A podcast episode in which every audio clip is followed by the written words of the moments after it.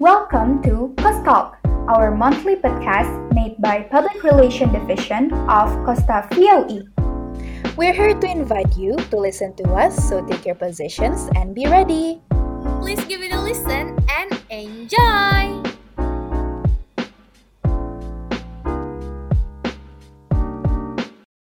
Oke, uh, halo semuanya, selamat datang di podcast Kostaf yang namanya Kostol, Kostaf Talk.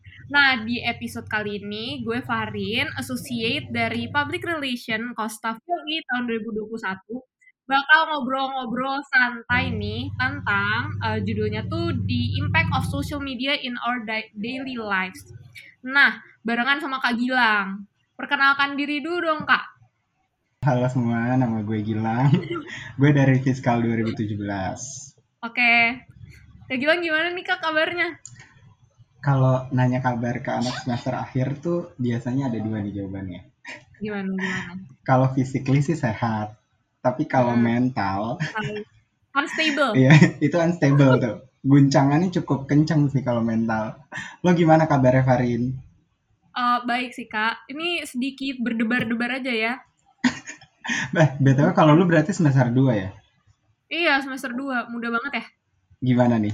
Semester 2 di fiskal terus online tuh rasanya gimana? Gue mau nanya dulu.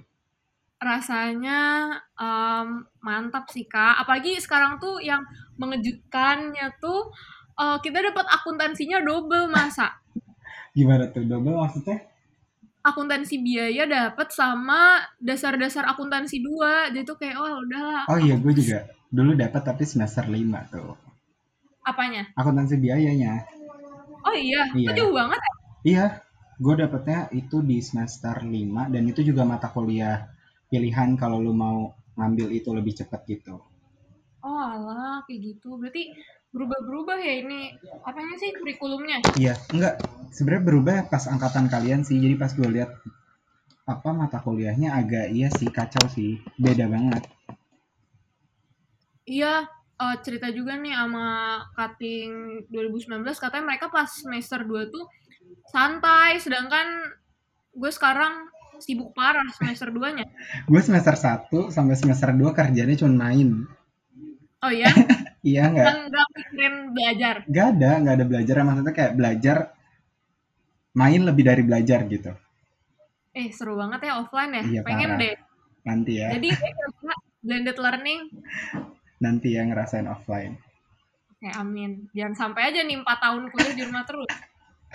Itu. Kak Gilang. Iya. Oh, sekarang kesibukannya ngapain kak? Kesibukannya, gue ha, lagi magang aja sih. Sebenarnya nggak sibuk, cuman untuk akhir-akhir ini sih masih magang aja, tapi magangnya nggak yang sibuk-sibuk banget gitu. Oh, seru nggak sih kak magang? Enakan magang apa kuliah? Sebenarnya enakan magang. Kenapa tuh? Karena banyak hal yang kita pelajarin itu di luar, da maksudnya nggak cuman uh, materi dari apa yang udah kita pelajarin gitu loh, kayak kita juga belajar tanggung jawab. Maksudnya kayak beda ya tanggung jawab ketika kita magang sama tanggung jawab ketika kita ikut kepanitiaan itu gue ngerasa beda banget. Kalau mm -hmm. ketika kita ikut kepanitiaan kan kayak ya udah tanggung jawabnya sebatas tanggung jawab gitu doang. Karena kita iya. nggak yeah. ngerasa dibayar. Ah iya. Nah kalau magang kan kita dibayar atas jasa yang kita kerjain. Mm -hmm. Nah itu tuh beda banget deh tanggung jawabnya. Kalau gue sih ngerasa situ ya di situ. Terus kayak disiplin waktunya juga berpengaruh tuh apalagi hmm. kalau yang di konsultan itu bakal kerasa banget sih karena di konsultan iya kebetulan keren banget nggak banyak kok konsultan pajak jadi kayak keren banget gila aku dan kayak gitu aja gak ngerti gue geran nggak nggak tapi untungnya gue dapat di konsultan ini tuh hoki gitu sih ya kayak keberuntungan ah. doang ini pasti ini merendah untuk meroket. Enggak anjir bener ya. Boleh ngomong anjir gak sih nanti di-cut. ini ya pip gitu ya. enggak enggak tapi beneran kayak karena gue nggak dites juga kan masuk konsultan ini kayak cuman ditanya wawancara itu kayak basic ditanya IP berapa gitu-gitu doang terus habis itu ya udah tiba-tiba masuk mm -mm. udah Emang terus kayak eh jangan. Wah, IP jangan jangan ditanya tiga koma sembilan lah enggak bohong. Bohong banget parah. Bohong. koreksi fiskal gitu nggak sih kak? Apa? Koreksi fiskal. Enggak sebenarnya nih Farin kalau di tempat magang, maksudnya setiap konsultan itu job desk untuk anak internnya tuh beda-beda sepenglihatan gue dan Mm-mm. membandingkan pekerjaan gue sama teman-teman gue yang lain ya, yang beda-beda konsultan. Mm-mm. Itu tuh beda-beda. Ada konsultan yang emang ngeeksploitasi anak magang kayak ya karena dia tahu ini anak magang, lo dikasih kerjaan yang super banyak dan kayak hampir sama kayak associate di kantor itu.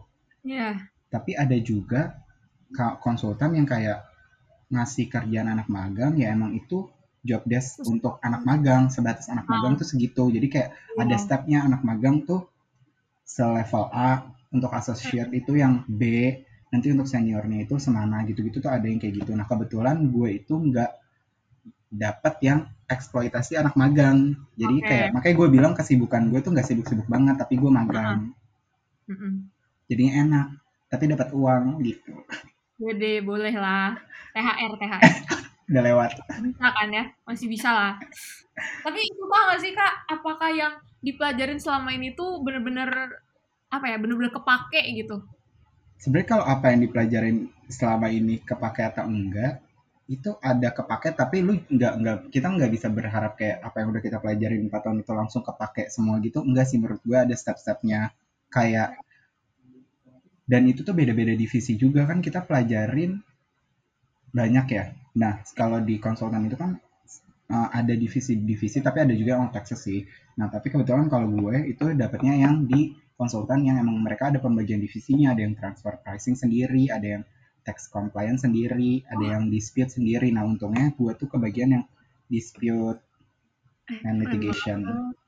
nah itu tuh kayak yang pers- eh, pengadilan-pengadilan ke pengadilan gitu loh untuk kayak kalau ada apa per eh, banding gitu-gitu deh pokoknya Ah, nah iya, kayak iya. gitu kalau gue dan kalau untuk anak magang sih menurut gue ya yang dari apa yang gue rasain Mm-mm. ya paling 10% lah ilmu lu kepake 10%? iya Wadaw. jadi kayak karena kan basicnya kayak lu ngerjain hal-hal yang kayak nge-scan dokumen untuk nyiapin mereka ke pengadilan terus Mm-mm. ngefotokopi terus ngeprint terus paling ngerekap-rekap data gitu-gitu doang terus ngekoreksi data sama invoice gitu-gitu jadi kayak Ah. masih bisa lah dilakuin walaupun lo nggak pintar-pintar banget gitu kayak gue Ah, mana ada.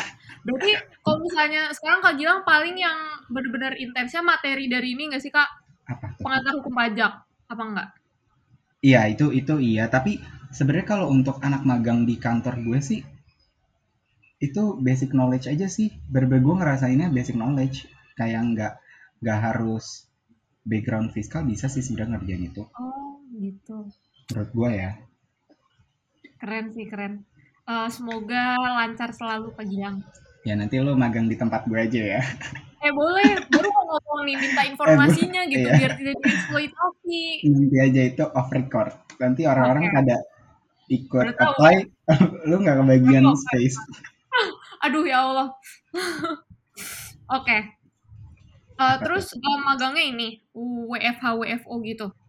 Iya dan untungnya nih nih, nih konsultan tuh baik banget gitu kayak mereka sebenarnya itu kesadaran kita aja sih kalau lo mau WFO ya WFO tapi kalau lo mau WFA juga nggak apa-apa WFA kecuali Hmm. kalau emang dibutuhin banget harus WFO ya WFO. Nah kalau gua dan kan gua nggak sendiri di tempat itu gue sama dua lagi anak fiskal juga. Jadi kita bertiga. Nah kita tuh kalau mau WFO ya udah. Kalau misal kita udah kelamaan WFH kita bilang eh minggu depan WFO yuk gitu. Udah langsung di WFO tapi kadang kalau inisiatif kita WFO tapi nggak diminta itu tuh gabut banget. Kayak lu 8 jam di kantor kagak ngapa-ngapain. Kagak bisa tidur siang kagak bisa nonton. Karena kan itu kelihatan kan sama Ya. senior senior gitu. Jadi kayak nggak enaknya itu doang sih.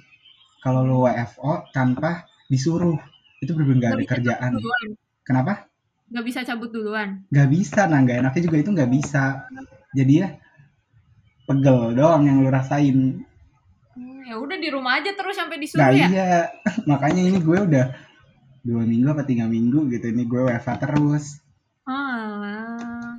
enak Suka panas gitu nggak sih kak kalau WFA mantengin laptop kan ya? Nah, untungnya juga nggak selamanya lo kerja. Kayak seru ini ya nih, kayak minggu ini. Ini kan udah hari apa sih sekarang tuh? Selasa ya. hari Selasa. Nah, dua hari ini gue nggak dapet kerjaan. Mm-mm. Terus minggu lalu gue cuma dapat kerjaan tuh hari Rabu sama Kamis. Udah gitu Mm-mm. doang. Jadi kayak nggak selalu lo kerja di tempat konsultan gue ini. Seru ya? Iya seru banget kan kalau dapat konsultan kayak gini. Aduh, gak sabar jadi Waduh. Sangat berambisi. Jadi eh, lebih lebih sibukan pas kuliah ya daripada pas magang sekarang. Menurut gue ya. Keren banget sih. Oke, berlanjut ya parah ya. Oke. Nah, ini kak, jadi kan sekarang kita lagi pandemi kan, udah hampir dua tahun lah ya, satu tahun setengah lah ya. Iya benar. Nah, pergerakannya kita kan dibatasi gitu. Terus orang-orang tuh punya waktu yang lebih longgar gitu daripada nggak pandemi gara-gara semuanya dijalanin dari rumah. Kak Gilang juga kan semenjak magang ini waktu kosongnya lebih banyak kan. Nah, waktu kosongnya lebih banyak ini kan di, kalau misalnya aku sendiri pribadi tuh bikin makin erat sama sosmed gitu kayak ada waktu luang ada waktu luang dikit nih eh, setengah jam ganti matkul tuh scroll TikTok terus lihat Shopee terus kebablasan jadi hidupnya tuh bener-bener ada di sosial media dan eh, sebenarnya semua yang berlebihan itu kan nggak baik ya Iya benar. Nah, dari sudut pandang Kak Gilang nih, sosial media tuh dominan positif apa negatifnya? Atau balance kayak akuntansi? Nih kalau misalkan lo tanya kayak gitu, basically ini sebenarnya kan tergantung perspektif dari individu itu masing-masing kan. Dan sosial media kan luas ya, ada Instagram, TikTok, WhatsApp, YouTube gitu-gitu kan. Tapi kalau menurut gue pribadi, kalau ditanya dominan positif atau negatifnya sih menurut gue sebenarnya dominan positifnya, bukan balance juga. Maksudnya lebih menurut gue sih lebih banyak impact positif untuk kehidupan kita sih karena kayak semuanya benar-benar dipermudah kan dengan ada sosial media sih. Itu yang gue rasa. Tapi Ya, ya emang gak menutup kemungkinan ya hal positif pasti kan ada hal negatifnya gitu gitu dong. iya. Nah kalau menurut lo banyakan positif atau negatif? Kalau misalnya aku gimana ya? Sebenarnya tuh banyak banyak positifnya sih ya. Cuma kalau misalnya banyak positifnya gitu kayak kalau misalnya gabut gitu kan eh, buka TikTok lucu-lucuan terus kayak apa ya kayak mengetahui eh, lebih banyak gitu apalagi di TikTok ya kayak tahu tentang sejarah-sejarah yang gak dipelajarin di sekolah dulu dan lain semacamnya terus tahu ini juga nih eh, zodiak ya zodiak ya Aduh, apa tuh zodiak? Eh, gue nggak nggak tahu tuh zodiak. aduh masa sih nggak zodiak? mau konsultasi zodiak nih salah salah orang, salah orang. Waduh, kayak gitu sih. Cuma kalau misalnya um, negatifnya tuh ya ke masalah percaya diri. Tapi itu kita bahas next time aja lah ya. Iya benar. Enggak, sebenarnya kalau misalkan ditanya eh, negatifnya, menurut gue sih tergantung gimana kita nyikapin sosial media itu. Kalau misalnya kita Hmm, nyikapinnya iya. salah ya, bisa aja itu lebih ke yang negatif dibanding ke yang positif. Karena Hmm, sekarang banyak sih menurut gue orang yang emang salah mengartikan sosial media tuh. mm-mm. Kayak gimana tuh? Banyak hal-hal simpel ya, kayak eh, apa ya? Em, misal yang yang yang contohnya nih kayak lo nge-compare diri lu sama orang lain. Nah, menurut gue itu Iya. salah satu sebenarnya itu bisa positif bisa negatif kan. Tapi kalau Ya, itu akan positif ketika lu ngejadiin itu in a good way gitu loh kalau lu nge- nge-compare Iya. diri lu tapi itu lu jadiin motivasi iya. untuk diri lu sendiri. Tapi kan ada juga Iya, orang yang malah eh, ngerendahin dirinya sendiri gitu loh karena kayak apalagi soal fisik kan banyak banget kan karena Ya, fisik itu hal yang paling gampang untuk kita compare sama orang lain gak sih? wah parah itu aku banget Nah tahu. menurut gue itu sih kayak kalau Gila banget. nah itu kan lo aja udah kayak gini bentukannya masih nge-compare kan? Udah, udah kayak gini bentukan tuh kayak gimana tuh? Separah itu tahu kak. Iya Bener-bener. kan, apalagi gak, nggak cewek nggak cowok sih kalau untuk kayak gitu tuh makanya itu tuh eh, tergantung dari kita nyikapin sosial media itu. Kalau misalnya kita nyikapinnya salah ya mungkin gampang ke arah yang negatif gitu. Iya. Duh, jadi ini deh, jadi tapi gimana ya sosial media tuh menyenangkan tapi lama-lama tuh di sisi lain tuh ada toksiknya juga gitu kayak misal nih uh, public figure gitu atau selebgram atau kayak gimana gimana mereka kok misalnya ad, apa ya ada celah dikit buat uh, apa ya buat disindir-sindir tuh pasti aja langsung rame gitu. Apalagi di sosial media zaman sekarang. Apalagi orang Indonesia kan kalau misalnya menurut aku ada masalah dikit gitu langsung diserbu Instagramnya langsung di komen macem-macem. Ya dan apalagi background orang Indonesia kan kayak yang lebih, maksudnya mereka lebih cepat bertindak dibanding berpikir. Dulu. Jadi ya, mereka langsung ini ya kata-kata mutiara ini. Enggak lah. ya kebanyakan sih kayak gitu nggak sih kayak mereka langsung ngekomen atau ngelakuin suatu tindakan dibanding mereka berpikir dulu gitu loh. Jadi kayak Hmm. ya makanya banyak haters, banyak orang-orang yang komen-komen nggak penting gitu. Gue juga nggak Iya. habis pikir sih. netizen netizen inilah tapi Kak Gilang nggak kayak gitu kan Untungnya enggak. Gue kalau nggak komen paling sama ini doang sama circle pertemanan gue kayak ya udah Ah. kita share-sharean gitu kayak apaan dah ini gitu-gitu doang. Tapi nggak pernah yang kayak kita nge-komen di akun itu langsung. Iya lewat ini palingnya langsung di forward gitu ya lewat Iya iya bener di share Lambe turun ya ini ya di share ke grup grup DM. Iya, kayak gitulah. Terus, eh, tapi Kak Gilang eh, pernah eh, merasa kalau misalnya pernah ada di titik kalau misalnya ngerasa wah sosial media lagi negatif banget nih gitu. Pernah, pernah banget lagi. Pernah banget. Iya, kalau misalkan itu kalau impact negatif ke gue ya, Mm-mm, itu men- gue ngerasain beberapa hal sih. Yang pertama itu menurut gue waktu. mm-mm. Kayak untuk orang yang gadget addict kayak gue nih, Iya, itu kan hampir kayak 24/7 kan megang handphone terus kayak itu tuh tanpa kita sadari kayak banyak banget waktu yang emang kebuang sia-sia gitu gak sih? iya, Karena lu cuman nge-scroll ngeliatin hidup orang yang tanpa Iya. lu liatin juga mereka bisa makan anjir. iya, Ya kayak gitu. Nah, itu tuh menurut gue itu salah satu impact negatif yang kecil tapi kalau lu diemin itu lama-lama bisa bikin lu jadi males, iya, gak mau ngapa-ngapain gitu-gitu kan. Nah, itu bakal cepat atau lambat ya berdampaknya ke diri kita. Terus yang kedua yang tadi gue bilang Mm. comparing diri kita sama orang lain. iya, Nah itu kan dan itu tuh aspeknya banyak bisa kayak social life, terus finansial atau akademis kayak gitu-gitu. Nah ini tuh juga kayak di uh, uh, mahasiswa semester akhir semester 7, 6, 7, 8 itu agak berpengaruh sih menurut gue ini. Maksudnya bukan hal yang kayak ih dia kayak kenapa gue nggak bisa kayak dia bukan yang kayak gitu juga. Sesimpel kayak uh, dia kok udah dapat magang ya tapi gue belum. Kayak gitu. Maksudnya gini kan ada ya orang nge-story untuk untuk reward atau gimana ya? Kayak ya lu proud sama Iya. diri lu sendiri. Kayak gue udah dapat Iya. tempat magang nih di sini ya. Lu sekedar mirror selfie atau apa pun itu untuk menunjukkan ya gue bangga sama atas apa yang udah gue capai gitu kan. Iya, heeh. tapi kan orang yang lihat belum tentu dia mikir kayak gitu kan iya, pasti. Iya, apa nih sombong, nih sombong. iya apalagi kalau yang nggak dapat magang Iya, bisa jadi mikir apa anda gitu lu Iya. dari ya temenan bisa jadi musuhan tuh karena hal itu iya, Nah, sama kayak skripsi nih. Kayak kan Mm-mm. banyak ya orang ngerjain skripsi atau bahkan ngerjain tugas deh. iya, Lo ngerjain tugas di coffee shop mana ya? Lo update tuh sama laptop lo yang penuh tulisan. iya, Lo iya, yang ngeliat kan insecure atau kayak jadi minder. Nah, gue pernah banget lagi di posisi dua-duanya kayak sebagai pelaku dan sebagai korban. oh iya, Iya, kayak tapi pas gue ngelakuin itu, gue nggak ada tujuan untuk kayak yang kayak pengen bikin orang insecure atau pengen Iya. bikin atau pengen bikin pamer gitu enggak karena kayak ya udah Su- supaya kayak kalau gue udah selesai kayak contoh skripsi nih kalau gue udah selesai nanti gue eh, apa bisa ngeliat nih maksudnya kayak perjalanan gue tuh kayak gini gue ngerjain ini di sini gini gini tapi kan orang yang ngeliat belum tentu kan.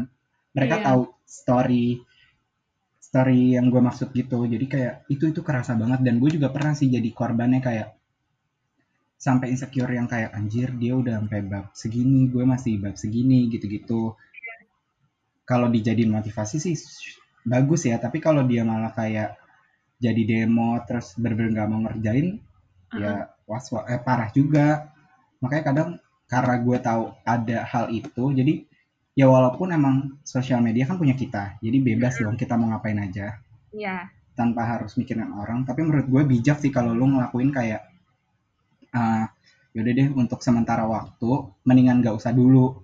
Daripada ada uh, orang yang kita nggak tahu dia uh, ada lagi ada masalah apa gitu gitu loh kayak Iya. ya kan lu nggak tahu kan orang-orang yang nge-follow lu atau teman-teman lu tuh lagi ada masalah apa di keluarganya sampai dia nggak bisa ngerjain gitu-gitu deh jadi Iya. kayak mendingan gak usah dulu daripada ada uh, hal yang nggak bisa lu duga-duga kayak gitu Iya. Sama sih Kak, tadi kan eh, Kak Gilang masain ya perskripsian inilah ya. Aku juga kayak gitu, tapi ini beda di segmen gitu sih kayak lagi mau UTS, UAS atau sekedar kuis terus ngeliat teman lagi kayak belajar eh, akuntansi nyampe pagi.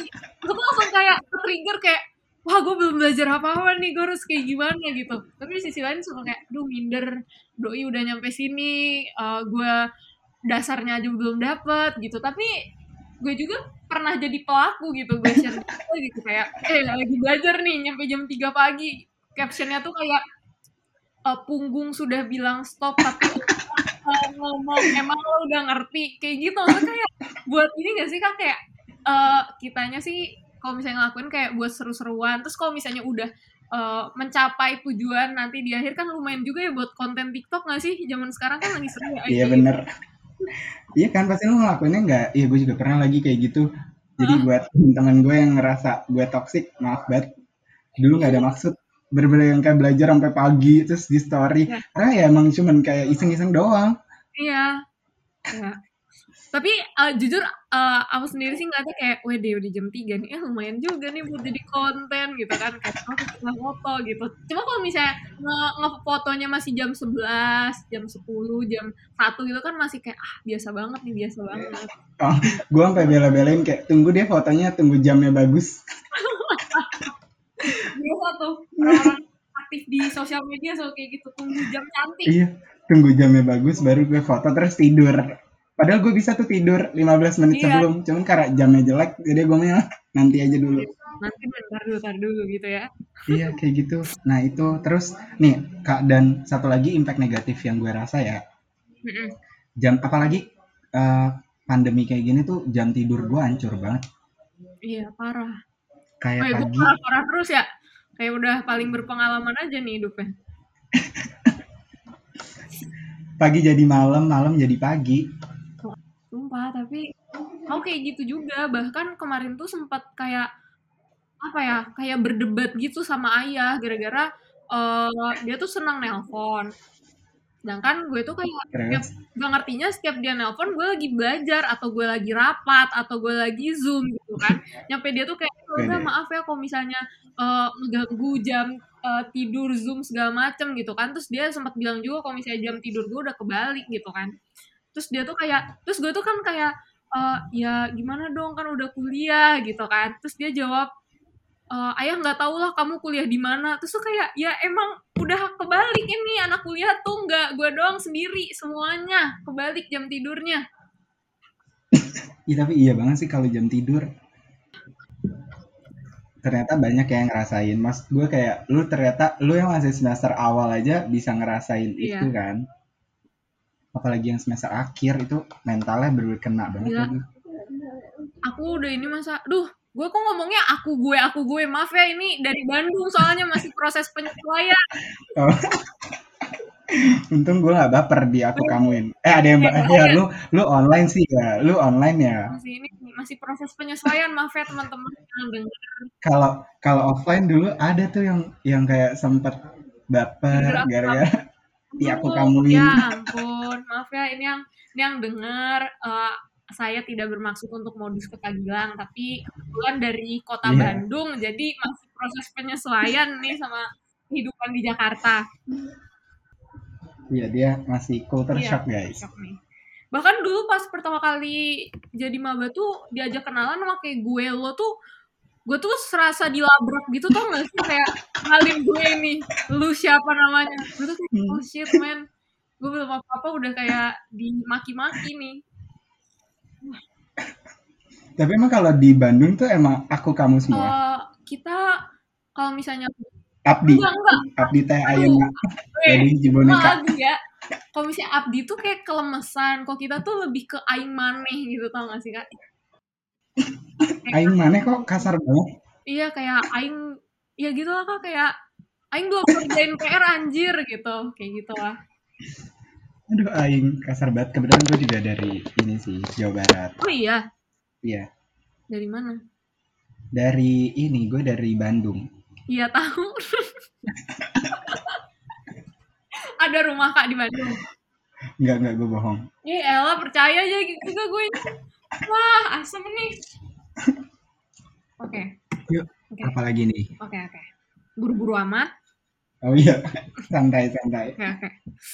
Hmm ini sih kayaknya gara-gara kita lagi bahas pertoksikan uh, sosial media jadi kayaknya ini deh uh, nyambung ke rasa insecure gitu kan. Pas waktu itu gue baca nih artikel nyebutin kalau pembatasan penggunaan sosial media tuh perlu dilakukan untuk meminimalisasi, wede, ini banget ya, baku banget, meminimalisasi Contekan banget ya. Nih, jangan gitu dong, jangan buka kartu. Untuk meminimalisasi dampak negatif terhadap kondisi psikologis dan emosional seseorang. Dan parahnya yang seru bangetnya tuh, salah satu alasan kenapa kita gak boleh terlalu lama main sosmed tuh karena eh, berdampak pada masalah percaya diri, insecure nih, khususnya buat cewek-cewek, termasuk gue sendiri. Sering ngerasa insecure. Kok Kak Gilang nih, eh cowok nih kan Kak Gilang cowok kan nah pernah gak sih kak ngerasa insecure soalnya gue tuh suka ngerasa kayak ah lah cowok mah gak pernah insecure apaan sih gitu kan Kak Gilang pernah gak kak ngerasa insecure gitu Kalau insecure mah pasti pernah, cuman nggak yang kayak fisik banget gitu. Masa kalau cewek kan rata-rata pasti aduh gisik ya kayak 7, 7 dari 10 orang pasti kan insecure karena fisik. iya Iya nggak sih? Iya, pasti parah. deh, menurut gua. iya Nah, tapi kalau gue itu nggak nggak fisik. apa ya ilmu Ya itu ya sesimpel kayak kemarin. Enggak ilmu pengetahuan banget ilmu pengetahuan. Enggak kayak kemarin aja yang kayak gue ini tuh first time gue dapat magang nih. Jadi pas ada mata kuliah magang, gue tuh nggak dapat. Nah itu gue insecure kayak se begininya kan gue sampai gue tuh nggak bisa dapat. Sedangkan circle gue semuanya tuh dapat. Jadi kayak kebayang bang, maksudnya kayak tadinya gue pikir kayak udahlah biasa aja, tapi lama-lama tuh agak kena ya mentalnya tuh kayak waduh kacau itu bener-bener gue nggak bisa Gak bisa gimana berkata ya? Emang be- iya bener-bener aduh kacau banget itu rasanya. Apalagi maksudnya ya bukan ngerendahin sih. Pasti lu tau lah kayak uh, ada orang yang uh, nih karena hal ini juga gue banyak belajar sih kayak misalnya lu tahu nih ada orang dia nggak sepintar gue nih gitu pasti Iya. lu akan ada kan di fase itu iya tapi dia dapat magang Heeh. maksudnya dan setelah gue jalani itu ternyata emang itu tuh nggak selalu tentang lo lebih pintar atau dia lebih bodoh gitu nggak selalu tentang itu jadi kayak yang nggak selamanya kita bisa berpikiran kayak gitu juga itu yang gue pelajarin dari kenapa gue nggak dapat magang. Terus sama ini skripsi kayak ada yang teman gue udah udah sempro gue belum ada yang bahkan udah lulus gue belum. Nah itu juga bikin insecure sih. Tapi kalau hal lain apa ya? Enggak sih gue jarang banget. Bukan jarang sih. Kayak biasa aja kalau soal insecure gitu-gitu. Cuman kalau yang kayak gini nih yang dua hal tadi gue bilang itu kemarin kayak parah. ngaruh gitu ke guanya. Kayak sampai bikin yang mood swing. Heeh. Yang gitu-gitu. Kalau yang insecure insecure biasa mah kayak ya udah insecure sesaat gitu kayak anjir dia cakep gitu ya udah. Tapi lewat nggak sampai yang kayak gimana gimana insecure aja sama kalau yang dua tadi insecure banget gitu ya. Iya. Sempro tuh apa sih kak? Seminar proposal. Jadi kayak bab lu ngerjain bab 1 sampai bab 3 terus nanti lu disidangin tuh apa yang lu kerjain. Itu layak nggak untuk dilanjutin ke penelitian selanjutnya. Susah nggak sih kak? Bro dan teman-temannya. Kalau ditanya susah atau enggak sebenarnya nggak susah kalau lu telaten. Dan apa yang lu bahas di skripsi lu itu emang yang lu suka. Heeh. tapi akan susah karena ada bakalan ada hal-hal yang nggak lu tahu. Kayak kita nggak tahu kan kayak ke depannya itu akan terjadi apa di hidup lo kayak masalah-masalah yang nggak terduga gitu loh. Nah itu kan mempengaruhi deh motivasi atau kayak mood lu juga untuk ngerjain. Yang penting mood lu bagus pasti kelar kalau mood lu naik turun lu sering kena masalah apalah Hmm. even pacaran yang tiba-tiba berantem atau apa gitu-gitu itu ngaruh sih Iya. menurut gua nah itu Heeh. gue kalau ditanya susah enggak sih sebenarnya enggak sebenarnya ya Heeh. cuma itu aja Enggak. keinginan lu buat ngerjain ada nggak Waduh, aku tuh udah overthinking gitu loh kak gara-gara kemarin tuh sempat rame-rame kan eh, kating-kating kayak selamat sempro, selamat sempro. Gue tuh langsung kayak overthinking kayak, aduh bikin makalah individu aja nyampe nangis tiga kali gitu selama ngerjain satu minggu, apalagi bikin skripsi gitu kan. Wah parah banget, itu bener-bener individual ya kak. iya tapi lo keren sih di semester 2 lu udah mikir kayak gitu gue dulu nggak ada ya pikiran kayak gitu Kak, tapi masalahnya tuh ya kepikiran-kepikiran, belajar enggak gitu. Maksudnya kan enggak tapi itu udah satu step yang lebih baik gitu loh kayak lu ada kepikiran untuk ih eh, ya kepikiran kayak gitu gue tuh nggak ada kayak bener-bener ya udah semester satu semester dua gue bener-bener pure gue main-main aja tapi akuntansi aman. ah aman alhamdulillah Oke, ajarin boleh kali. Ini Lusa mau ujian ini nih, investasi jangka panjang. eh udah lupa ya kebetulan Susah banget. itu udah berapa dua tahun lalu apalagi akuntansi apa tuh DDA 2 ya Iya, itu lagi dari dua nih. tiga tahun yang lalu ya itu udah rontok semua dari kepala gue Udah rontok ya. Kalau misalnya gue ini DDA 1 baru semester kemarin kayaknya udah rontok juga nih. Capek. Pusing banget. Jadi pengen cerita deh, boleh nggak cerita? boleh coba Dibahas insecure-insecure gitu kan. Nah, coba kalau lu biasanya enggak bentar kalau lu biasanya insecure karena apa sebagai cewek ya cewek lah, apalah insecure-nya. Tahu sendiri lah, nggak usah dijawab. coba cobalah siapa tahu nih eh ini pendengar kostaf apa namanya Oh, pendengar kostaf namanya nah, apa udah, fansnya kenapa? pendengar kostaf fansnya namanya apa eh apa ya? Apakah yang enak belum dikasih nama nih? Kasih nama nama. dulu, ini PR ya buat Agnia sama Angel Oke. Saatnya. iya coba lu cerita dong tentang Kenapa kak mau ngomong apa? coba cerita tentang ini kalau dari si- sisi cewek Oke. Yuk, ini bukan sisi cewek, sisi gue lah ya. Oh, iya, Maaf, oke. takut bablas deh. Gini ya, gini ya.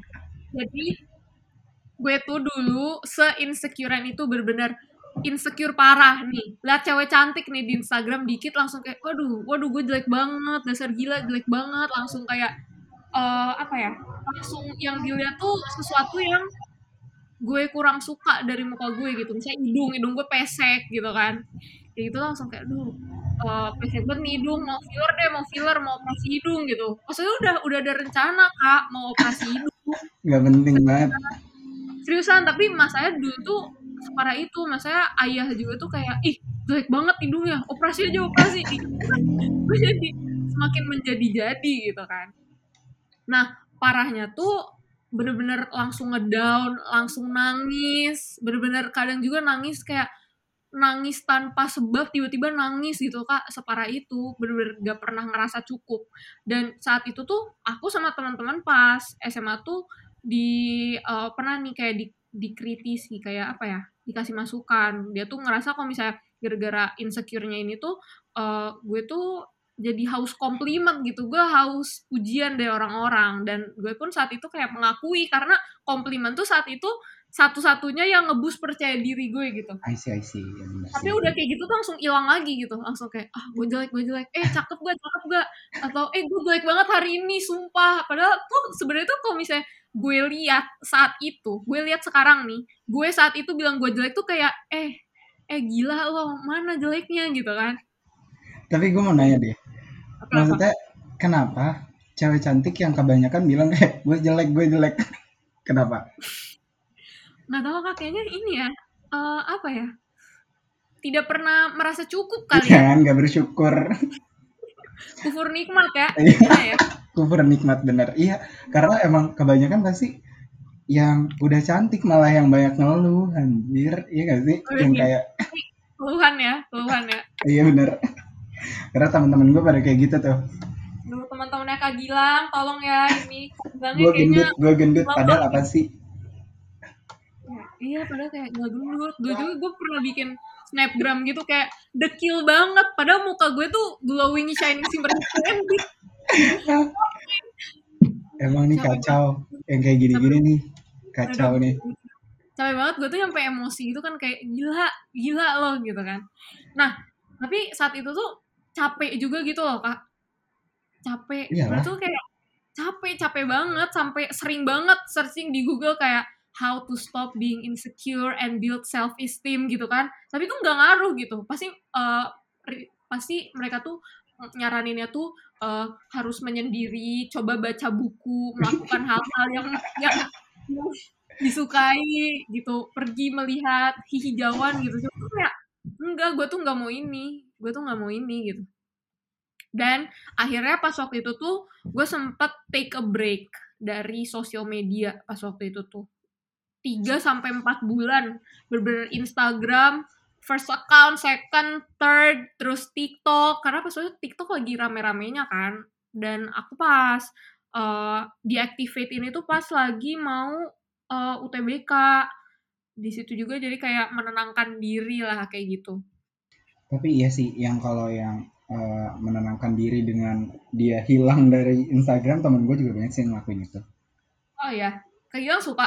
iya enggak bukan gue teman-teman gue banyak kalau gue nggak pernah karena gue nggak pernah ada di posisi insecure yang kayak lo tadi biasanya gue kalau udah udah ngerasa kayak insecure gitu ya gue ajak siapa pun temen gue untuk main keluar kayak gitu Mm-mm. makanya sebenarnya kalau dibilang eh gimana ya pas pandemi kayak gini Mm-mm. agak nyiksa untuk gue karena gue tipikal orang yang kalau stres atau apa gitu gitu harus keluar Ah iya iya.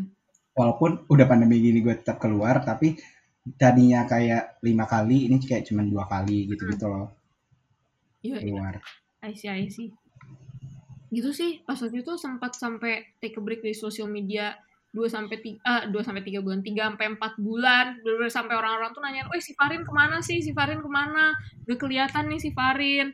Tapi ujung-ujungnya ya berangsur-angsur membaik sih. Di situ tuh sebenarnya kan apa ya? Gatel gitu ya sebenarnya gara-gara udah kebiasa main sosmed terus gak main sosmed. Tapi di situ gue pertahanin gak, karena saat itu mau UTBK dan gue belum gue kan gak dapat lewat UTB gak dapat lewat SBMPTN jadi gue mempertahankan kayak enggak nggak boleh. Lo nggak pantas ketawa-ketawa. Lo nggak pantas lihat dunia luar kalau lo belum dapat kuliah kayak gitu. Jadi gue baru oh iya uh, sosial media tuh beres pengumuman simak baru muncul lagi kayak begitulah ceritanya. Iya sih tapi itu berdampak ya kalau untuk diri lu yang men- menonaktifkan sosial media lu tuh. Maksudnya berimpact. Jadi nggak insecurean gitu? Iya maksudnya perlahan membaik perasaan lu feeling lu. Saat itu sih uh, berangsur berangsur membaik sih lumayan. Meskipun gue ngerasa gue udah gak insecurean tuh semenjak kuliah gara-gara teman gue. Gak tau kenapa gue temenan sama dia tuh gue nggak pernah gitu ngerasa insecure kayak kayak apa ya kayaknya lebih self love and know your worth gitu ya kayak know your dia lebih jelek dari lu ya? Nggak bercanda. Apa enggak? Karena dia lebih jelek dari lu enggak sumpah cakep Oh. tau enggak? Eh Puspa temennya Farin. Puspa dia lu lebih jelek dari dia. Puspa. Makanya dia nggak insecure. Kak Gilang belum lihat aja nih bentuk si Puspa kayak gimana. Ih dia mau sebut nama parah banget Puspa ini bercanda ya. Gue tahu lagi Puspa. Langsung nih nge-stalk Instagram siapa nih Puspa? Enggak, gue kenal Puspa. Eh bukan gue kenal tapi gue tahu Puspa. Dari mana tuh? Dari aduh acara kostaf Mami Kos atau apa sih yang kayak eh atau apa deh gue pokoknya tahu Puspa waktu itu dia jadi yang kayak LO-nya untuk gestar pembicara di acara kostaf gue lupa apa namanya. Ini mangkal. Ah iya mangkal. Ih, jauh amat mami kos. Oh, ya udah sorry. Oh iya Mami Kos kan tiap minggu ya? Mami kos kan udah minggu itu Puspa maaf ya ini disebut-sebut. Iya, sorry, Puspa. Gak Puspa gak bakal denger sih gue suruh denger Puspa 39 lo dengerin ya lo diomongin. Gitu. Gilang nggak pernah ngerasain insecure kayak gue? Enggak untungnya nggak pernah yang sampai kayak gitu sih. Gue ya apa karena cowok kali ya jadi kayak nggak terlalu yang diambil pusing. Normal. nggak yang sampai gitu-gitu tuh enggak Mm-mm. kalau misalkan gue ngerasa "Eh, aduh gue nggak bisa nih di rumah doang karena kepikiran banyak hal gitu loh kayak kayak gitu yang bikin gue insecure. Ya udah gue ngajak siapa kayak teman gue eh keluar ya main gitu-gitu. Pokoknya ketemu orang deh. Tapi karena kalau orang ekstrovert kan pasti lo membutuhkan energi dari orang lain untuk lo serap kan. Ya, ha. nah iya itu yang gue butuhin. Makanya pas kalau sering di rumah tapi gue cuman sendiri karena gue biasa di rumah sendiri kan. Iya. nah itu gue yang kayak zombie jadinya. Kenapa tuh? ya itu gue kagak ngapa-ngapain jadi gue nggak ya nggak nggak iya, Oh gitu. nggak berinteraksi sama orang gue jadi kayak zombie Heeh. Tapi kak, pas lagi misal ada pikiran di rumah, lagi ada masalah, terus kan eh, kak Gilang berarti keluar rumah kan, main gitu. Iya. Terus pas Hmm. balik-balik keinget lagi nggak kak? enggak maksudnya agak ya keinget pasti cuman kayak yang tadinya 50 keingetnya 50% pas udah main gitu-gitu ya paling 20 Oh gitu. Itu ekstrovert. iya banget anjir Sama dong. parah Coba, cuma bedanya gue tuh gini loh. Gue ekstrovert, gue eh, mudah mudah apa ya? SKSD, so kenal so deket gitu sama orang kan. Nih so akrab banget juga sama Kak Gilang, baru ngobrol hari ini. Tapi iya bedanya tapi gue juga gitu kok tapi gue nggak yang SKSD banget kayak Oh, tetap masih ada nggak enaknya tapi kalau udah ngomong pokoknya yang penting lo ngajak gue ngomong aja udah deh Iya. Sama dong kok kayak gitu. lo mau nanya gosipnya siapa gue kasih tahu Iya deh, seru banget, seru banget parah. Nah, Nggak tapi bedanya juga. gue tuh ini kan kalau Kak Gilang di rumah kayak zombie gitu kan, kurang kurang tenaga dari orang lain. Gue bedanya tuh gue betah di rumah. oh kalau lo malah betah di rumah ya Iya bener-bener betah yang namanya betah di rumah tuh bener kayak udah jangan ganggu gue, gue lagi di rumah gitu. Gitu sih. nah tapi Udah, lo sebagai orang ekstrovert ngapain di rumah menikmati menikmati kehidupan dan mensyukurinya. Kayak dengerin lagu, Instagram gitu. Tapi tuh kayak gini loh kayak, duh gue pengen keluar. Tapi tuh kalau gue udah get ready, gue males gitu kayak nyesel apaan sih pakai acara mau keluar segala gitu. Oh, kalau lu berarti lebih yang ekstrovert tapi lu menikmati kesendirian gitu ya. Iya, tapi gue senang keluar juga, apalagi sama si Puspa. Oh, eh, Puspa tuh bestie lo kalau di kampus. Bestie parah, bahkan eh, kating-kating tuh ngiranya si Puspa dari Bandung, gara-gara sedekat itu. Gila gak sih? Dia Jakarta kan? Iya, dia Jakarta. Hmm. Gitu, kayak bestie parah, kayak tidak bisa terpisahkan. Terus ulang tahun kita eh, sebelahan. Oh, berarti zodiaknya sama nih. Tebak zodiak nih. Jangan kayak gitu ah. Gak mau jangan zodiak. Eh, tebak zodiak doang. Gue 6 Oktober, Puspa 7 Oktober. Apa Ya zodiak? itu kan udah ketahuan. Eh, Oktober apa sih? Pede, Oktober. Aduh, gue gak tahu lagi. Gue tuh Apa gak sih kan hafal. kayak, kayak sensitif banget sama zodiak? Karena kayak capek aja gitu ditanyain gitu. Tapi gue jujur gue gak hafal kalau ditanya zodiak tanggal segitu tuh Uh-uh. apa? Oktober, Oktober sebelum Sagi ya? Eh enggak deh. Tuh gue gak hafal emang apa sih kalau Oktober? Enggak dong. Libra. Oh Libra. Kalau Libra kayak gimana sih kak orangnya? itu kan anjir keterusan kan enggak udah. Ih, itu basic. Itu orang semua kayak gitu. Enggak cuma tebak doang, tebak doang. Oh Libra. Emang Libra doang, gimana sih Libra. orangnya? Libra Gak orangnya gimana udah Gak tahu, gak tahu. Jangan tanya gue. bohong. Ya langsung nih gue bacain pertanyaannya aja ya. Deh, kita cari juga nih jejak digital Kak Gila. Lu jangan. Nggak mau ngasih tahu Libra kayak gimana? Gak tahu, karena gue gak tahu. Aduh gue keringetan nih jadi ya. Udah jadi yang Kenapa sih kak? Ada apa sih kak sama zodiak? nggak ada apa-apa, cuman kayak capek aja, bosen. Oh bosan ya. Iya. Seriusan nggak gitu. mau ngasih tahu nih. Enggak, Oke deh. maksa ya tetap. Ini anaknya pantang menyerah nih Farin guys. Ya dong. Masa eh, mudah menyerah? Seriusan nih. juga. Tapi eh, aku sering lihat eh, zodiak zodiak tuh di TikTok gitu sih kak. Oh iya, kamu ada ya? Oh ada, Ada banget. Oh. ada. Gue nggak pernah sih, gue bukan anak TikTok kebetulan. gue gak pernah tuh main-main? TikTok. Gak pernah, gak pernah lihat ini. Zodiak zodiak. Gak pernah, gue gak pernah main TikTok. Di HP gue aja gak ada TikTok. Gak punya akun TikTok berarti ya? Gak punya. Terus ini Gilang Pamungkas Oh. siapa ya? TikTok ya? Kan nama itu bisa sama. Indonesia kan luas. Oh iya. Ada berapa Mungkin kak? mirip. Apa? Eh, Indonesia ada berapa pulau kak? 36. Eh, pulau ya, bukan provinsi. Bukannya ada sepuluh ribu? Eh, gue kira provinsi. Nggak tahu kalau pulau ada berapa.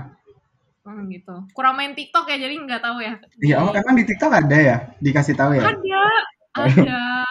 Hmm, Katanya tuh 900 belum dikasih nama. Oh ya udah gue download TikTok dulu deh bentar. Oke oke, bikin account ya. Mau di follow nih sekarang.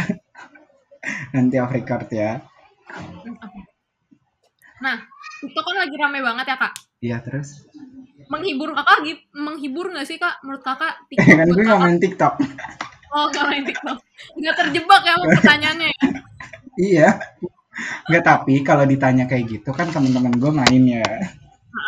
Ini dari point of view teman-teman ya? Iya dari Oh gitu. point of view teman-teman gue sih lumayan menghibur. Apalagi kayak banyak kan konten dari TikTok ke Instagram. Heeh, Berarti peminatnya banyak. heeh. Berarti Iya jadi kayak menghibur. oh, Kak Gilang menikmati TikTok dari Instagram berarti ya? Iya. Oh. Pernah lihat konten zodiak gitu nggak? Enggak. Oh, pernah Tetap ya? enggak. Tetap nggak pernah ya? Oh gitu. Mm-mm, keren sih keren. Iya. Eh, tapi ya kak berkat TikTok tuh eh, ini gak TikTok doang sih tapi akhir-akhir ini tuh bener-bener menurut aku TikTok tuh bak lebih melonjak daripada Instagram setuju tidak Setuju. Emang iya sih. Dia perkembangannya cepat. Heeh. Yang menurut kakak bakal mati nggak TikTok Apa-apa? kayak menurut kakak TikTok bakal kayak apa ya meredup gitu nggak kayak Pet terus Snapchat kan sekarang kurang rame ya Udah nggak ada udah bukan ya, Pat? Pet bukannya udah ditutup Iya udah nggak ada kan? oh iya Bakal ngomong. Kalau menurut gua mungkin dia nggak nggak akan bisa nggak tahu sih ini gue yang underestimate banget nih. Iya Mungkin nggak akan sepanjang Instagram sih menurut gua ya. Iya, gue juga mikir kayak gitu seriusan deh. Karena emang sih maksudnya di TikTok tuh banyak terus kayak banyak konten menarik gitu-gitu. Cuman ada beberapa hal yang eh, menurut gue tuh kurang aja gitu dari TikTok tuh kayak tetaplah beda lah TikTok iya kurs gitu beda lah TikTok sama Instagram Tapi kerasa nggak sih kak sekarang jadi kayak tidak serame dulu? Maksudnya masih rame tapi nggak serame dulu. iya kerasa TikTok kan Eh, main TikTok ya? enggak enggak main kan kelihatan dari teman-teman gue yang awalnya suka bikin joget-joget TikTok terus sekarang udah mulai berkurang kan lo bisa ngeliat kan Oh, dari point of view teman-teman berarti ya? Iya, dulu tuh kayak sering tuh yang banyak yang ngajakin, eh bikin TikTok, bikin TikTok. Sekarang tuh udah enggak Iya. gitu. Gitu kan ya. itu agak berdampak kan. Si ini juga si Charlie D'Amelio sama Edison Ray juga udah pernah lewat FYP aku deh kak. Siapa tuh? Oh nggak tahu ya? Gak tahu. Itu loh. itu cowok ya? yang- Ih, cewek. Oh cewek, nggak tahu gue nggak Iya, pernah itu lagi. masa nggak tahu sih yang followersnya terbanyak se TikTok Oh, nggak tahu. oh, nggak tahu ya kurang tahu ya Iya nggak tahu lagi. hmm. Mm-mm.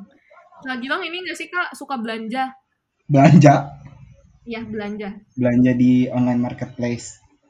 iya kayak suka. kayak si Oren si Oren Si Oren, iya suka kok di si Oren. oh, sama udah apa kak membernya bronze apa Eh, gue nggak tahu lagi. Gue nggak nggak nggak ngeliatin gituan. Emang ada ya gitu-gituannya? Ini beneran nggak tahu. Kalau ini beneran nggak tahu. Waduh. Tapi kayak gue nggak sesering itu sih. Parah banget enak Oh ya, berarti ini ya. ini yang eh, tipikal yang kurir cuma kurir oren doang yang bisa ngelihat lo nggak pakai alis gitu-gitu ya. Weh, iya kayaknya itu doang sih gue bisa emang ini sih si cepat si cepat Oh, eh ngalir dulu banget pembahasannya ya astagfirullahaladzim ini ini nggak ada nih di question list. eh dan gitu dong ketahuan ketahuan kalau udah dikasih ini bocoran Oh iya benar. oke. Tapi gara-gara TikTok tuh kan osop couple shop makin laku ya, makin banyak yang terkenal. Apalagi gampang banget viralnya lewat TikTok tuh. Menurut Iya, aku uh, poin plusnya daripada Instagram, kalau di Instagram tuh harus punya followers yang banyak biar yang lihat banyak. Sedangkan kalau di TikTok followers dikit tuh bisa tiba-tiba membludak gitu. Ya nggak sih kak? Iya, itu benar sih. Maksudnya Pernah nggak sih ngerasa gue membludak gitu videonya? apa?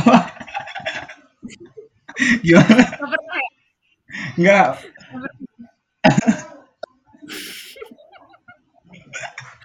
Freak banget anjir ini. Sebenarnya enggak ini pernah nggak ngerasa Pernah nggak ngerasa uh, videonya tiba-tiba membludak gitu banyak yang nonton? Enggak ya? video Karena siapa? kan? Video nggak- kan gue nggak main, iya benar. Oh Jadi iya. gue nggak bisa tuh video gue tiba-tiba main. Eh, membludak. gue tuh inget terus pernah lihat gitu Gilang Pamungkas di TikTok. Tapi bukan Kak Oh. Gilang yang ini, beda lagi. Iya sih, tapi kayaknya kalau gue di posisi itu nih tiba-tiba video gue meledak, harusnya senang sih. Seneng ya, seneng ya. Iya harusnya senang sih. Kira-kira kalau kayak gitu tuh dapat fee nggak sih kak? Apa? Dapat fee nggak sih kak? Kalau setahu gue ya, karena ini fun fact karena gue kan ngebahas skripsi gue tuh ngebahas tentang endorsement di TikTok kan. Keren banget, keren banget. Oke oke, lanjutin lanjutin. Nah jadi kalau di TikTok itu sistemnya mereka nggak nggak ngasih fee atas video lo yang viral itu, ya sistemnya endorsement aja. Kayak misalkan nih Farin, lo punya followers 100 ribu. Amin. Nah ada brand nge-endorse lo. Mm-mm. Nah terus videonya viral. Nah ya udah itu sesuai red card yang lo kasih ke mereka aja atas bayaran lo. Oh. Terus kayak misal lo bikin video nih iseng-iseng terus tiba-tiba videonya 1 m gitu. Ya udah lo nggak bakal dapat apa-apa dari video lo yang 1 m itu. Cuman lo dapat exposure-nya aja kayak followers lo pasti naik. Mm-mm. Lo dikenal. Cuma nah ini kurangnya TikTok tuh menurut gue ya. Lo terkenal di TikTok belum tentu lo terkenal di Instagram. Kayak gitu. Iya, iya, Tapi kalau lu udah terkenal di Instagram, TikTok lu juga pasti rame. iya. Makanya Gitu. kak, sekarang tuh rame banget nih yang uh, selebtok selebtok yang kok apa-apa tuh uh, follow Instagram gue jangan lupa atau selanjutnya ada di Instagram ya kayak gitu. Jadi kelihatan banget apa ya? Sebenarnya tuh mau menaikkan uh, mau menu apa ya bikin insta akun Instagramnya tumbuh tapi via TikTok gitu ya nggak sih kak? Iya benar. Karena emang sebenarnya duitnya itu kencengan di Instagram sih. Karena uh, kayak endorsement gitu-gitu tuh bakalan lebih nyari Instagram lu dibanding TikTok lu sih menurut gue. Terus ini nggak sih kak Instagram tuh kayaknya mereka tuh ada tujuan tersendiri juga buat ningkatin uh, shopping. Maksudnya dulu kan uh, apa ya ada yang buat ngelihat orang nge-like itu sekarang diubah jadi shop shop gitu nggak sih kak? Iya iya. Ini apa namanya? Iya dia sekarang ada advertise-nya sendiri kan. Iya. Jadi kayak kalau lo mau mempromosikan brand lo atau online shop lo juga bisa melalui Instagram sekarang. Hmm, iya iya. Jadi TikTok nggak ini ya, uh, nggak kayak YouTube gitu ya? Enggak. duit ya? Nah, kalau YouTube itu kan se sepengetahuan gue ya, dia Maaf.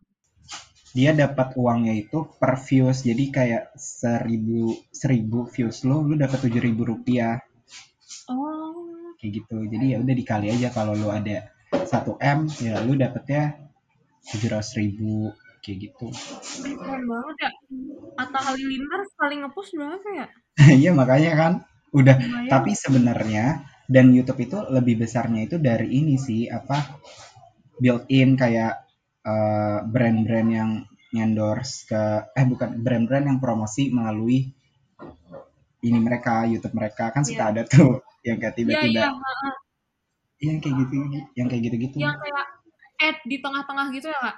Nah, itu juga tapi ada kan yang kayak eh siapa ya yang sering ya udah kayak Raffi Ahmad kan sering kan dipromosi sama Iya.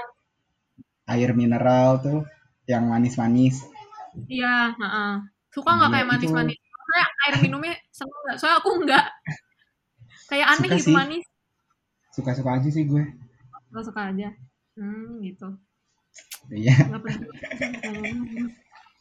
Nah, tapi tapi kan kita tuh kita kan bu- kita kan budak pajak ya jurusan fiskal. Jadi nggak apa-apa lah ya ini Iya. kita bahas-bahas pajak-pajak dikit lah.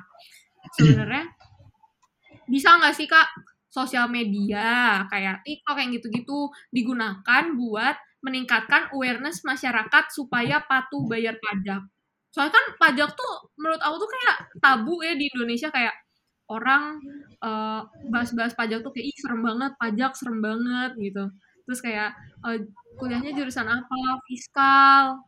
Fiskal tuh kayak apa sih? Oh ini pajak terus kayak ih keren uh, jurusannya pajak gitu. Maksudnya tuh kerennya tuh gak ngerti ya mereka beneran bilang keren atau kayak gimana. Mungkin tuh mereka bilang keren karena pajak tuh menurut mereka sesuatu yang mengerikan. Oke, okay, terus? Ya, jadi menurut kakak uh, bisa nggak sosial media digunakan untuk meningkatkan uh, awareness masyarakat biar patuh bayar pajak? Sebenarnya untuk meningkatkan awareness itu bisa. Mm -hmm tapi kalau mm -hmm. untuk patuh itu tuh stepnya tuh nanti gitu loh menurut gue. Seenggaknya masyarakat ini uh, aware dulu nih kalau taulah pajak tuh apa sih atau sekedar kayak untuk edukasi ke anak SMP, anak SMA kalau pajak yeah. itu apa, sesimpel pajak itu apa dan apa pengaruh pajak untuk negara gitu-gitu. Itu menurut gue perlu apalagi kan kayak uh, influencer apa sih selebgram, seleb TikTok, youtuber gitu-gitu, yeah. mereka punya power yang kuat banget kan, dan yeah. mereka itu uh, beda-beda marketnya. Kayak contoh ya, let's say Okarin, mereka punya marketnya, Okarin tuh punya marketnya sendiri, Anya, Anya punya marketnya sendiri, terus mm. uh, Arif Muhammad itu punya marketnya mm. sendiri, Rachel mm. punya marketnya sendiri. Nah, hal itu tuh perlu gitu loh kalau misalkan untuk meningkatkan awareness. Nah, kalau misalkan caranya mungkin ya kayak dari DJP-nya kerja sama sama mereka untuk yeah. bikin sekedar bikin uh, apa namanya seminar, tapi pancingannya tuh mereka sebagai influencer kayak gitu-gitu. Nah, tapi itu tuh dijadiin hal yang konsisten menurut gue nanti lama-lama tuh akan terbiasa sih menurut gue. Mm -mm. Itu penting sih kayak tapi lu jangan tapi maksudnya jangan berharap langsung kayak orang akan langsung patuh gitu enggak yang penting aware dulu sih menurut gue sesimpel orang aware dan melek akan pajak aja itu udah suatu kemajuan sih menurut gue. Berarti uh, Kak Gilang ini berarti uh, setuju dengan Indonesia masih tabu gitu tentang pajak-pajakannya? Cukup setuju sih untuk untuk maksudnya kurang aware aja kan sama pajak. Iya bukan tahu iya kurang aware. Iya tabu setuju sih gue. karena karena uh, dari influencer sendiri aja menurut gue kayak selebgram seleb tiktok hmm. atau sekedar uh, apa sebenarnya kan basically gini kayak online shop ngelakuin endorse ke influencer selebgram atau apa pun itu sebenarnya hmm. harusnya mereka kalau udah dikategorikan sebagai pemotong pajak itu ada kategorinya sendiri maksudnya ada step-stepnya gitu. Nah itu tuh mereka harusnya motong pajak atas iya. apa yang atas uh, fee yang mereka kasih kan. Iya.